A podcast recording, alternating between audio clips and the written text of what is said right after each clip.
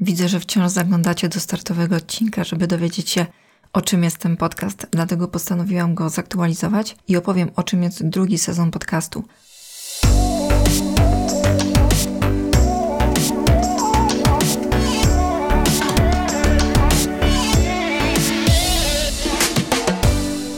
Projektowaniu graficznym mocno osadzonym w strategii marki. Takie zdanie ułożyłam, które zamyka w sobie tematykę tej produkcji.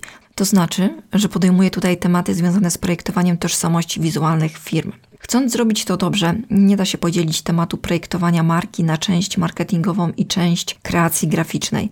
Te tematy mocno się przeplatają i powinny się przeplatać. Powinny być od siebie zależne. Projektowanie graficzne powinno wynikać z pomysłu na biznes, nawet jeżeli jeszcze nie mamy w głowie kreacji marki i rozkręcamy coś małego. Wszystko, co chcemy stworzyć wizualnie, czy stronę internetową, czy folder reklamowy, powinno wynikać z naszego pomysłu na biznes, na promocję. Wiem, że wiele osób nie zadaje sobie w ogóle fundamentalnych pytań, takich jak kim jestem, co robię, dlaczego to jest ważne, dla kogo to robię, kto robi podobne rzeczy i co robię inaczej lub lepiej.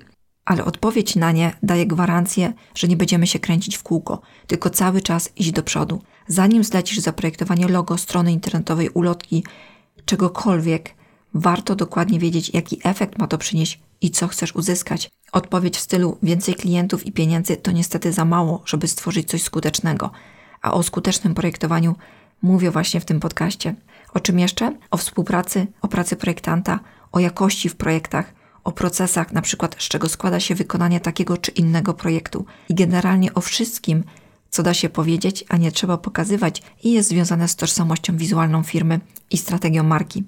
Moim celem jest, aby gdzieś na samym końcu wyszedł nam taki przewodnik po kompleksowym projektowaniu marki. Ja nazywam się Aneta Duk i zajmuję się projektowaniem tożsamości wizualnej marki. Zapraszam Cię do słuchania.